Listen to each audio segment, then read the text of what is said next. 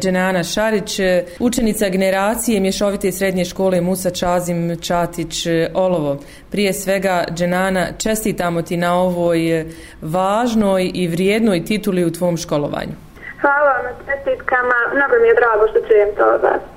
Tvoje četvrogodišnje školovanje u mješovitoj srednjoj školi je okrunjeno jel, učenicom generacije. Tvoje također devetogodišnje školovanje je bilo e, itekako uspješno učeni generacije u osnovnoj školi Olovo. Kada je riječ evo, o organizaciji mature ove godine ste imali kao i prošlogodišnji maturanti dosta problema i peripetija oko toga gdje, kako, šta. Ti si bila jedna od organizatorica ovogodišnje mature vaše za vas 32 maturanata. Pa jeste, ovaj, mogu reći, pa sigurno da je ovo jedna od najmanjih generacija posljednjih godina i što se tiče mature, mi smo se a, svi skupa trudili da to organizujemo koliko dobro možemo i dogovorili smo da to bude sutra, znači subota 5. i 6. -hmm. I zbog situacije kakva jeste, kao što ste već rekli, evo već drugu godinu ne možemo imati onu tradicionalnu maturu i defile kroz grad kao što smo navikli, ali smo se potrudili da to mi organizujemo uh, kako možemo i dogovorili smo da je okupljanje od 18 sati na e, benzinskoj pumpi HIFA, a defile ćemo održati od 19 sati sa te iste lokacije do e, sportske dvorane i planirali smo u sportskoj dvorani e, zajedno sa profesorima naravno proslaviti kraj našeg tog srednjoškolskog obrazovanja, ali nekako ja više volim da kažem da ćemo proslaviti početak našeg daljeg života.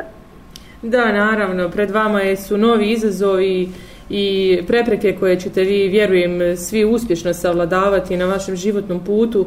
E, možeš li se malo, Dženana, osvrnuti na vaše četverogodišnje školovanje? Okrnjeno je sa ovom pandemijom, imali ste online nastavu, imali ste dosta zaista problema.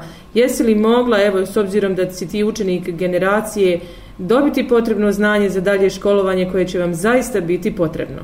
Pa nekako ove posljednje dvije godine, znači treći i četvrti razred iz našeg srednjoškolskog obrazovanja, e, održan je 50% tokom online, putem online nastave i e, možemo reći e, da to nije isti kvalitet obrazovanja kao što je face to face da. nastava i obrazovanje, ali mislim da e, onaj ko se trudi i pokušava može dobiti dosta tog znanja.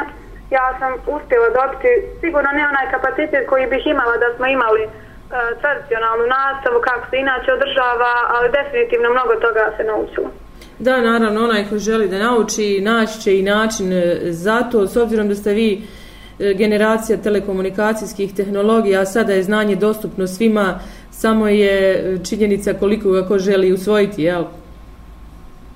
Pa ono što sigurno mogu reći da tokom ove posljednje dvije godine, tokom online nastave, kao što ste i sami rekli, te telekomunikacijske E, E, vještine koje mi imamo i nekako smo učvrstili odnos jedni s drugima i pomagali smo jedni drugima da sve to uspijemo završiti.